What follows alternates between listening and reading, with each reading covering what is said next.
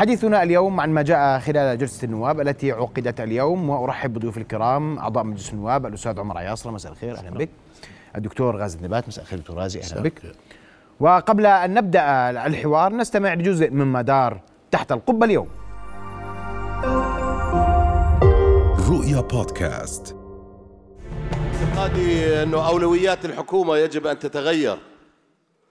يجب أن تتغير أولويات الحكومة من التعديلات الوزارية التي جاوزت الخمسين وزير ومن العبث بالمناصب العليا بالدولة كرئيس ديوان المحاسبة التي لم يصل للمجلس إيضاحات لغاية الآن سبب تقديم استقالته والتي هي بين قوسين عزله.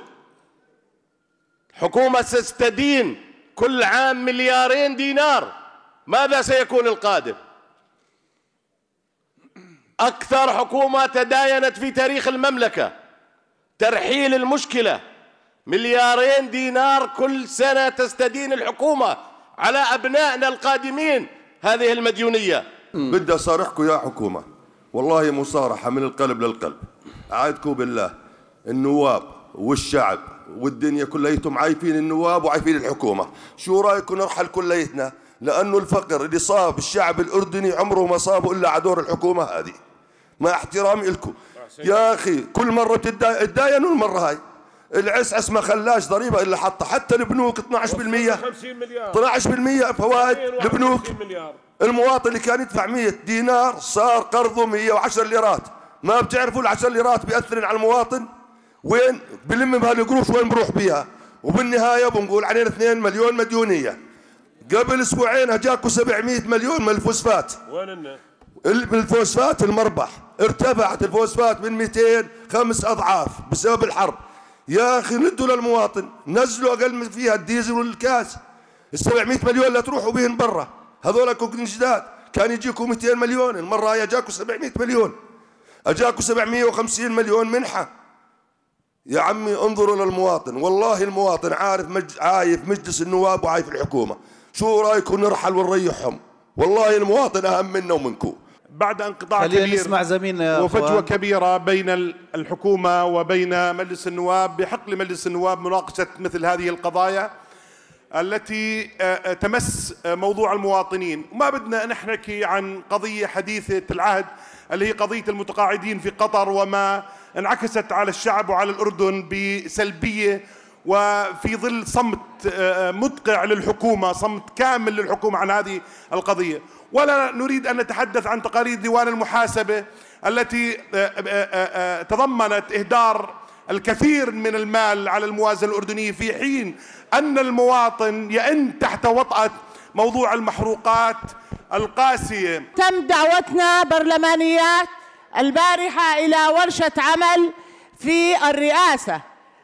لم أستطع أن أجد مكان لسيارتي وكل ما اتجهت إلى باب من أبواب الرئاسة أغلق بوجهي. لم أستطيع تحديد موعد مع دولة الرئيس من خمس أشهر إلى الآن. أنا الآن بقول لدولة رئيس الوزراء أنا ما بدي أقابلك. يكفي أن دولة الرئيس يتكلم كثيرا أن القادم أفضل أي قادم أفضل وهناك ناس لا يستطيعون شراء لتر كاز سعادة الرئيس. في القرى وال والأرياف. وهذه مسؤولية الحكومة. بتاخذ ضريبة ثابتة. أنت قاعد تعاقبني. تعاقبني لأني بدي أولع صوب لأطفالي بتعاقبني؟ بتعاقبني أعبي سيارتي. إيش بدك إياني؟ إيش بدك إياني؟ بدك إياني أسلح؟ إيش المطلوب؟ إيش المطلوب من المواطن الأردني؟ يكفي. وبالتالي أنا بالنسبة لي نفس لنفسي أتمنى أتمنى ومع احترامي لسعادة الرئيس ولجميع النواب أقسم بالله أتمنى أن يحل مجلس النواب. مجلس النواب له الحق ان دكتور يراقب الحكومة وان. يؤدي واجبه دكتور ما في نائب black list لو سمحت لا لا بقى أنا بطمنك إنه في لا، لا، نواب ما في. وللحديث أيوة، بقية نواب. ال 130 أما موضوع أما موضوع إذا سمحت. يا سعادة. الرئيس أما موضوع رئيس ديوان المحاسبة لقد تم الضغط عليه قبل بست أيام ومورست عليه ضغوط بداعي تقرير عام 21 لتقديم استقالته وهذا كلام أنا متأكد منه إخواني نواب الامه أرجو أن تساعدوني أنا كنائب بادئ الشمالية. 250 سيارة من الرويشد محجوزه بمديرية الأمن العام. كل بدوي عنده سيارة حديثة توقف الحكومة وتاخذ سيارته وتحجزه ليش؟ شو الحجة عندي؟ يقول ممنوع أنت بدوي تركب سيارة حديثة. بحجة إنك أنت مهرب يا أخي أنا ماني مهرب إذا مهرب سجني حطني بالسجن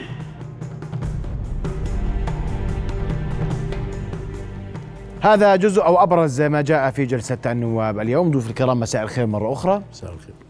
واليوم ما قامت القيامة في المجلس. بدك احسن من هيك قيامه؟ هي خلص هي هذا هو هذا ما كان منتظرا في جلسة اليوم؟ قيامته يا سيدي طيب قيامته. هذا ما كان منتظر اليوم في جلسة النواب؟ لا ما كانش منتظر. إحنا كانت اليوم جلسة تشريعية. طيب. يعني كانت جدول الأعمال اللي آه، تم إرسالها كانت جلسة تشريعية. لكن اليوم في رئيس جديد. مدرسة جديدة طريقة جديدة في التعامل مع النواب. وللأمانة يعني بجوز الدكتور غازي أيدني حتى لما قعدنا القعدة المغلقة بيننا وبين الرئيس آه، هو الآن سينهج نهج جديد في التعامل مع قصة آه، آه، يعني التشريع ثم الرقابة. بمعنى أن الرقابة سيكون لها حظ وافر في هذه الفترة اللي هي فترة ال- الدورة العادية القادمة. لأنه إحنا الدورة الماضية على فكرة هذا اللي شفته اليوم من غضب وسخط له أسباب. جزء منه تفريغ انفعالي. تفريغ انفعالي لأنه النواب لا بالدورة الاستثنائية ولا بالدورة العادية اشتبكوا مع الحكومة تحت عنوان الرقابة بالشكل الكامل. وهذا ليس طعنا في في, في, في القيادة السابقة لكن مثلا لما بدنا نرجع للدورة العادية السابقة كان في عندنا كثافة تشريعية. كانت القوانين الإصلاحية وقانون التنفيذ فلم يكن لدينا اليوم كان تفريغ. انفعالات. يعني جزء منه كان تفريغ انفعالي لعدة أسباب منها انقطاع النواب عن الاشتباك مع الحكومة ضغط القواعد الشعبية. وأنت لاحظت اليوم كثير من النواب بيقول لك حلونا الناس مش راضيين عنا. ولا راضيين عن الحكومة. لا روحونا الاثنين. حلونا روحونا حلوا مجلس النواب روحونا حلوا هذا تكرر كثيرا. هذا هذا المزاج هذا المزاج بيأكد إنه في ضغط كبير على النائب. اليوم من القواعد الانتخابية والغالب هي قواعد آه، خدماتية آه، تريد خدمات وبالتالي أرادوا النواب اليوم إنهم يعني آه، يزأروا في وجه الحكومة بهذا الشكل. ساعدهم آه، طريقة وأسلوب رئيس المجلس الجديد بالسماح للجميع اللي كان مريح الجو. وعلى فكرة هذا ريح النواب. رئيس المجلس الجديد اليوم بتحدث لنا عن فلسفة جديدة تتعلق بقصة الرقابة على قاعدة القطاعات وليس على قاعدة السؤال والاستجواب. يعني هو عبر في أكثر من مناسبة أنه قصة السؤال والاستجواب ورد الوزير وخلصنا قد لا تؤتي ثمارها في قصة ال- الرقابة. الإنجاز الرقابي ولا تؤتي ثمارها في أنه اليوم على أقل تقدير النائب قدام قواعده الانتخابية مش قادر يقدم لهم خدمات بيقدم لهم صوت رقابي. فعلى ما يبدو أنه هذا الأمر اليوم كان فيه له تمرين تعبوي حقيقي لكن اللي صار اليوم كثافة الحديث بيؤدي إلى أنه كان في انفعالات في غضب في توتر. ولكن هو أنا شخص شخصيا أصف الجلسة اليوم بأنها كانت تفريغ انفعالي من النواب. آه، كم ستستجيب الحكومة لهذه الملاحظات؟ هذه الملاحظات ترى معظمها كانت تذكر في خطابات الموازنة وفي خطابات الثقة. آه، لم يكن هناك شيء محدد لكن على أقل تقدير اليوم النواب عبروا عن آه، ما يجول في خواطر الناس وعبروا عن أيضا حالة الضغط اللي بس. اليوم- النائب مضغوط والله يا كويس. محمد. كويس مضغوطين كويس. انضغطوا. شو يعني؟ ليش نواب هاي الحقيقة يعني. ليش نواب؟ نعم صحيح. لا لا بس بده ينضغط. لا لا مش معقول. في, في فرق بين في فرق أنت بين عندك قاعدة شعبية بهتضغطك لا لا لا لا. الضغط مقصود إنه اليوم الضغط مع العجز. هاي اللي قصدته. مضغوط بعجز. بعجز آه. ماشي. لا النواب اليوم مضغوطين مضغوط وعاجزين. بعجز صحيح. وأنا هون دكتور غازي اليوم المختلف في الجلسة أن من تحدث من النواب غاضبا هم النواب المحسوبون سميها ما شئت موالاه على الحكومة. لا هم كل النواب كل النواب. دون أنا بقول باغلبيتهم اعطوا ثقة للحكومة يعني. الأغلبية. مش معطي ثقة معطي ثقة و- وعلى نعم، الغماض. صحيح. عشان نتفق. الحكومة. اسمع سيدي. سيدي الغميض مسألة الغميض هذه والله ما ما خلينا أقول خليها للسوشيال ميديا مش إلك أنت مش موقع على الغميض. إعلامي مش موقع على إعلامي الغميض. محترم وأنا أحترمك وأحترم محطة بلاش على الغماض. أيوة. آه، ثقة سيدي في دون أسباب ومبررات واضحة. سيدي في فهم ما إحنا بنمنح وما خليني نعرفش. كيف نلغيها. أحيانا أحيانا لما تكون جوا الملعب غير لما تكون موجود على المدرجات متفقين. يعني على المدرجات لكن تتفرج على الملعب. الملعب جوا الملعب ترى له له هيكليته الآخر. لما طيب. تكون قاعد على المدرج بتحكي شو ما بدك. يلا. فيا أخي. كويس. ما ما تم اليوم. هو تفريغ مش بس لما مش النواب مضغوطين الشارع مضغوط. الشارع مضغوط مش مضغوط بشكل طبيعي. يعني إحنا الآن أقول لك بطلنا نقدر نواجه قواعدنا نهائيا. الناس اللي انتخبونا وإحنا كنا اللي بقول لك ما انتخبونا كذاب نوابنا كلهم إفراز مجتمعنا. شئنا ما بينا كنا نواب انتخبونا الناس وجابونا المجلس. صحيح. ما جابونا لا بعصا ولا ب- زي ما بيحكوا. عصا سحرية انتخبتنا جابتنا. كنا انتخبونا قواعدنا. لكن للأسف قواعدنا اللي انتخبونا واللي بيحبونا الآن بطلوا يسلموا علينا. أقرب الناس انه بطلوا يشوفون لما تنزل على مناسبة أو على عزاء أو على كذا كأنك فايت غريب. وإذا واحد بيسلم عليك بيسلم حوالي ليش يشوفوني وأنا بسلم على النائب أو شو. مش شخص غازي. بكل نواب دون استثناء. يعني إحنا بنعيش فترة حرجه جدا لأنه شعبنا محرج. أنا أفسر الموضوع بعيدا عن الموضوع. مش إنه الوضع الاقتصادي وبس يعني. الوضع الاقتصادي والوضع الإعلامي والوضع السياسي الموجود بالبلد. يعني للأسف الخطاب السياسي الرزين الموجود بالبلد غائب. تقول لي وين رؤساء الوزراء السابقين؟ ما يجي يقول هسه بتفتح على ال social media خيرات البلد نهبوها. أنا ما أنا فاهم وين هي خيرات البلد؟ شو هي خيرات البلد؟ وين هي خيرات البلد؟ عندنا بترول عندنا مية عندنا فرغوا سدود. شو السد سد الوالة كان بده ينهار ونزل نزل وسط غيره ما فيش. سد الموجب مش تقول سد الموجب فرغوه؟ هي اسأل الكرك كلها وأنا ابن الكرك. ساسال إذا سال واد بالكرك خلال السنتين الماضيات لحد الآن ما سال عنا ولا واد. منين تجي الميه تجي من السماء تنزل على المس... فيا أخي الآن في خطاب في خطاب بتقوده ال social media منه خطاب كريه. ما بست... ما بيستهدف الحكومة بيستهدف البلد بيستهدف الوطن كوطن للأسف. النواب تصرفوا اليوم؟ أنا بقول لك والله وقال يا مسمار شو دخلك قال دخلني الدق ال- البين اللي في رؤوسهم. قد ما- ولما نائب بيجي بيحكي بصرخ بقول لك روحني أنا والحكومة ترى هذا هذا له مدلول بعيد كثير. اولا أول رغم إنه غير أنا بعتبره من ناحية دستورية وقانونية غير صحيح قلت لك قبل شوي.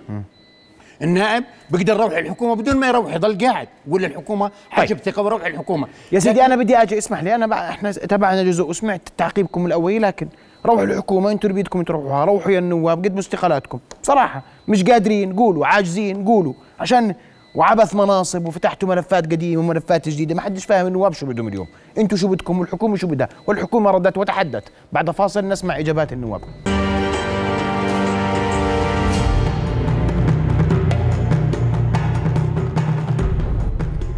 نواصل حوارنا وضيوفنا الكرام وأنا توقفت عند قصة روحونا وقصة العبث بالمناصب ونريد المحاسبة ونريد المراقبة وتقرير شهري ودخلنا وما دخلناش وحضرنا وما حضرناش اختلط اليوم الأمر ما بين الرقابة والأمور الشخصية لدى النواب صحيح ولا مش صحيح؟ لا لازم يختلط بين شوف أنا وياك متفقين بجوز أكثر من مرة طلعنا هون قلت لك إنه أصلا مجلس النواب أحد الأماكن وأحد المؤسسات الدستورية المستهدفة من ال- بالإصلاح ومتفقين إنه المجلس فردي ولا يوجد حالة جمعية فيه كل واحد بيغني عليه لا. وبالتالي يتداخل في مصالحه يتداخل في ضغط القواعد ال- ال- الشعبية يتداخل في مش كله رقابة ولا كله تشريع ولا كله مستقل. ويعني خلينا نكون واضحين يعني هذا هو حال المجلس تديره مجموعة من مراكز القوى على اعتبار إنه فردي. ولا ليش إحنا بدنا نروح للإصلاح ونستهدفه ونغير شكله ونعمل مجموعة اليوم خرجوا عن مراكز القوى مجلس النواب نعم صحيح؟ نعم يعني خرج عن مراكز القوى لكن المراحش آه، يعني لم يذهب حتى هذه النقد اللي أنت سمعته اليوم لم يذهب إلى مرحلة الشطط. كان نقدا كنا نسمعه لكنه بطريقة فردية. يعني كان يسمح به رؤساء المجالس بداية الجلسات لاثنين ثلاثة اليوم الكل حكى. كأنها جلسة مفتوحة يعني ب- ب- ب- تحت عنوان هذا آه، النقد. وأنا باعتقادي أنه مهم. لكن متى خطورته؟ أنه كيف سيبنى عليه؟ يعني هل هو تفريغ انفعالي نقطة آخر السطر وسنبدأ عند ذلك مرة أخرى نعود إلى جلسة قصة- بكرة كيف تكون؟ قصة يعني هذا هو السؤال كيف ستكون؟ أنا بقدرش أتنبأ فيها لكن هل هو تفريغ انفعالي أم أنه توتر حقيقي بين النواب والحكومة؟ سينسحب على التشريعات وأنه سينسحب بعد ذلك على الرقابة وأنه يمكن أن يتم آه، تصميغ تصميغه في الغرف المغلقة بين النواب والكتل وبالتالي الضغط على الحكومة. هل الحكومة ستغير سلوكها تجاه النواب؟ يعني بمعنى أن اليوم غيرت الحكومة سلوكها اليوم. يعني اليوم لحد الآن لا ما الحكومة ما بدها وقت. يعني أنا باعتقادي أنه في حالة شك صدمة من الحكومة شو مالهم النواب شو اللي صار ما الذي جرى اليوم هذا الغضب. وأعتقادي أنه ستظهر نظرية من من من فعل ذلك. هل هو حالة ذاتية يعني ذاتية أم أنه أم أن محرك أم حرك. أن هناك محرك؟ وهذا اللي بنحكى اليوم بالشارع لكن هذه الأسئلة مه- مهمة بتحتاج من الحكومة أنها تجلس مع نفسها وكيف تتعامل مع النواب؟ بمعنى أن تعيد إنتاج تقديرها للنائب أنه أمام ضغوطات كبيرة ويحتاج استفزتكم الحكومة اليوم يا أستاذ عمر؟ يعني لا مش قصة استفزتنا اليوم يعني مثلا آه، تأخر الرئيس استفز البعض خروج الرئيس آه، استفز البعض. إجابة الرئيس على بعض الملاحظات رغم أنها كانت صريحة وواضحة ومباشرة لكن طريقتها استفزت البعض وبعض النواب حكوا عنها يعني. قصة أتحدى وما أتحدى. فأنا باعتقادي اليوم قراءة مزاج المجلس مهم. هذا المجلس ليس مجلس قبل ثلاث سنوات في البدايات. هذا مجلس اليوم قواعد اجتماعية وشعبية زي ما حكى الدكتور غازي بتعاقبه وقاسية عليه. هذا المجلس عمره ثلاث سنوات أصبح أكثر خبرة سياسية يعني بيقدر يضرب بال- بالأماكن اللي واليوم يهدد برحيل المجموعتين. هذا كله أيضا تطور في الوعي السياسي. قد قد يكون الوعي فوضوي لكنه تطور في الوعي. السياسي. وأنا بتقديري اليوم آه، المؤشرات لكن بعدين كيف أستشرف كيف ستكون العلاقة بين المجلس؟ قلت لك أنا مش عارف. هل هو تفريغ انفعالي اليوم؟ وبرتاح بعدها أحمد الصفدي وبترتاح الحكومة من أن النقد يعني خلصنا اللي بجعبتنا وسنبدأ بداية مرة ثانية جديدة أم أنه نهج و و و وصيرورة ومزاج آه، سيواجه الجميع؟ كل المرجعيات التي تحاول إدارة المسجد والمجلس والتأثير عليه ستتأثر بأنه هذا المزاج اليوم غاضب لأنه ما عنده شيء يخسره اليوم. اليوم قاعدته الانتخابية غضبانة عليه. النائب مش قادر يقدم شيء النائب هناك نقد اجتماعي وأيضا هناك شعبوية بتحاول تذهب به إلى التطرف وبالتالي هل سيحاكي ذلك؟ كلها قصة آه، مهمة وأنا بتقديري أنه مطلوب من أحمد الصفدي تحديدا والمكتب الدائم مطلوب من الحكومة مطلوب من مرجعيات الدولة جميعا أن تنتبه آه، لهذا آه، المزاج. أستوقفك عند لا المزاج. انت, أنت استفزتني بشغلة بدي أحكي عنها. لا ولا. لا أنت استفزتني في قصة إنه أنتم النواب ما تروحوهم وكذا. يا أخوي أنا برأيي دائما نعطي الأمر. آه معلش ما بدي أجيك في شكل العلاقه بس اسمع راي دكتور غازي اسمح لي. العلاقة اليوم مع مع الحكومة صفحة جديدة في العلاقة مع الحكومة. أم جلسة وعدت؟ لأنه البعض بيقول لك هذا يعني وكأنها خطة مدروسة مرسومة. فرغ النواب ما لديهم والله اليوم تحدثوا بكل ما يريدون. أخي ومن ثم تسير الأمور. صادقين يعني بدأ زميلي في نقطة قال برلمان فردي. وأنا مش بقول بس برلمان وحكومة فردية. يعني حكومة لا تستند إلى قاعدة حزبية وقاعدة شعبية أنا بدي أحكي سياسة. يعني راح تظل الحكومة عاري ما حدا بدأ الحكومة لما تحكي بقول لك أنت حتى أنا لما أحكي كنائب بقول لك أنت ما أنت شريك الحكومة أنتوا كلكم نفس العلبة. والحكومة مش قادرة تدافع عن نفسها وللأسف جهة محايدة أو جهة موثوقة بالبلد تحكي تطلع تحكي. بيطلع لك وزير مياه سابق محترم رجل عمره بقول لك والله في بحيرة ماء تنبع في تونس والصب في البحرين. ولما تنادي على مجلس النواب تسأل تقول يا عم وين هي البحيرة؟ تعال. خلينا بدل ما نروح نجيب مي من إسرائيل تعال خلينا نطلع منها. بقول هذا عمقها 7000 متر وكل متر بكلفك ما بدري قديش دولار. يعني شيء خيالي. وبتطلع مالحه كمان ما راح بدها وده إعادة تنقيك. فاخ أخي الحكومة للأسف تفتقر لرجالات يدافعوا عنها. أنا مش مخول لا أنا ولا عمر العياصر دافع ولا بدافع عنه ولا بقبل إني أكون أنا مدافع عن الحكومة.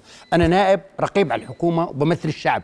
أنا مش مدافع عن الحكومة. لكن الحكومة مش قادرة توصل رسالتها للناس. يعني لما تيجي رئيس الحكومة ما يطلع رئيس الحكومة يقول يا عم أنا ما عندي موازنة. ما بقدر أقولها للناس. بقولها إلي في غرفة مغلقة. قال لي إياها أنا. وقال لا قال لنا إياها قال يا أخوان أنا إذا بسوي إذا بزيد الرواتب. أو طلبنا قلنا بنزياد رواتب متقاعدين وعاملين وبدنا تخفض أسعار البنزين. وقال بدي جلسة مغلقة ودخلنا بجلسة مغلقة. وحكى لنا كلام صريح. ما بقدر يحكي لك إياه أنت كمواطن لأنه بأثر بأثر على اقتصاد البلد وبأثر على الشم. فأخي الحكومة يجب أن يكون لها رجالاتها. لازم تقوم الرجالات الصف الأول الوزراء السابقين الناس. يحكوا رأيهم رأيهم بالبلد. إذا كان البلد منهوبة فعلا زي ما بيحكوا يقول يا عمي هاي البلد منهوبة ونهبها بشر الخصام تعالوا خلينا نحاسب نحطه بالسجن. مش كبير على السجن ولا كبير على القانون. وإذا كان البلد هذا اقتصادها وهذه مقوماتها يقول للناس حتى الناس مش يقودون ال social media للأسف. مش يقودنا ال social media واحد نفسه التخريبية قاعد بخطط كيف يخرب البلد. هذا البلد. وللأسف الخراب مش على بشر الخصاونه ولا على مجلس النواب ولا على غازي الذنيبات ولا على محمد الخالد. الخراب قاعد بخرب خرب بالوطن وللأسف البدائل تقول له شو البدائل عندك؟ ما عنده بدائل نهائي. تقول له تعال أنا سقطت حكومة بشر الخصاونه بكرة ومجلس النواب قادر. أنا متأكد بعد الهبل اليوم لو بكرة يطرحوا استقاله في بشر الخصاونه بسقط بشر الخصاونه وحكومته لكن شو البدائل؟ مين بده يجيب محل بشر الخصاونه يعني ليش لما نكون واقعيين؟ يعني؟ شو البدائل الاقتصادية والسياسية؟ صراحة الهبة ترى انتبه لها شايف؟ أنا بحكي. صراحة الهبة. مش الهي الهبة. فاخي حقيقة الوضع السياسي بده إعادة برمجة إعادة برمجة. وحتى الحكومة لازم تصحى لحالها. يعني لازم تسقر ويكون حالي ما إلها حزب لكن لازم يكون لها جماعة تدافع عنها. يطلع وزير إعلام سابق ويقول يا عمي تعالوا أنا بدي أحكي لكم أنا بدي أصارحكم. أنا منكم مواطن مش شعب بدي أحكي لكم. ما حدا بدافع عن الحكومة نهائي وحتى الحكومة متحيدة.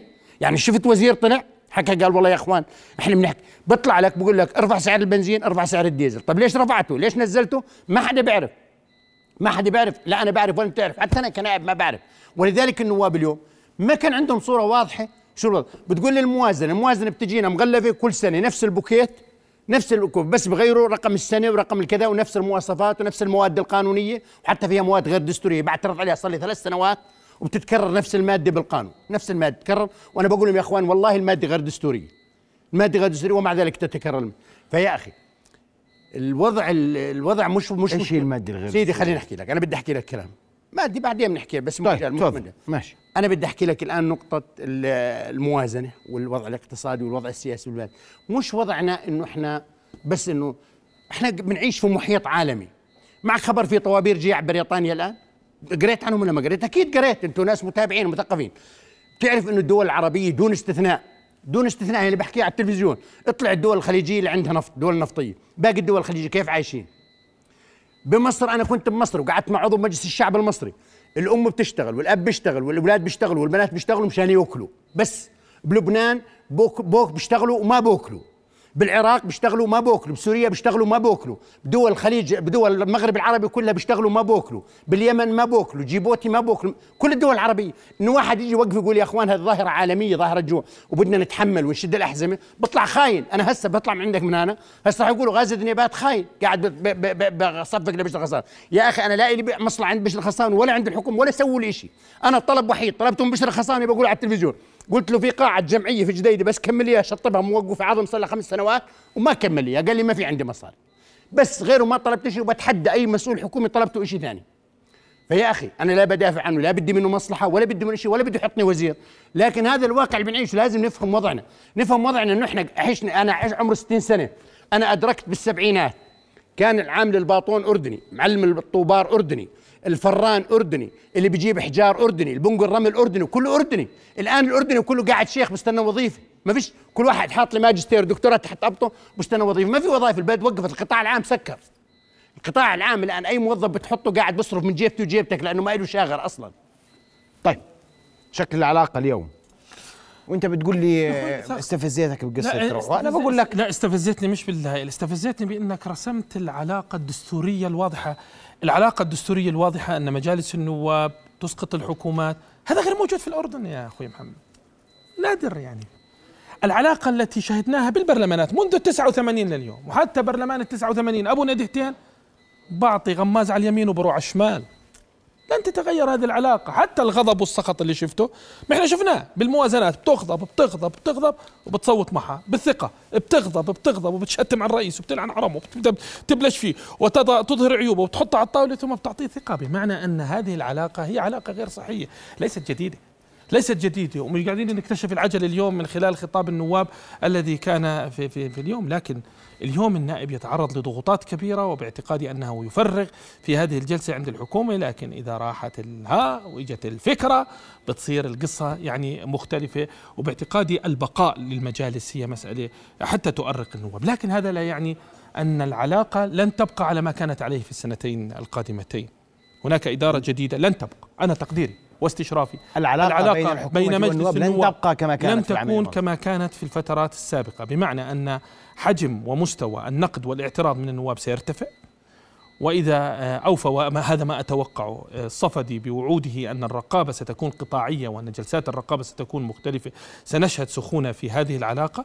أعتقد أن الحكومة بطريقتها وطبيعتها آه، لن تقدم شيء وبالتالي سيبقى هذه العلاقة. لكن في قصة الحالة المفصلية التصويتات والثقة والموازنة الأمور آه، راح ماشي. تمشي. لكن ستشهد توترا بهذا الاتجاه. لكن علينا أن نلتفت أيضا لمسألة مهمة جدا. هناك تغيير في سيكولوجية النائب.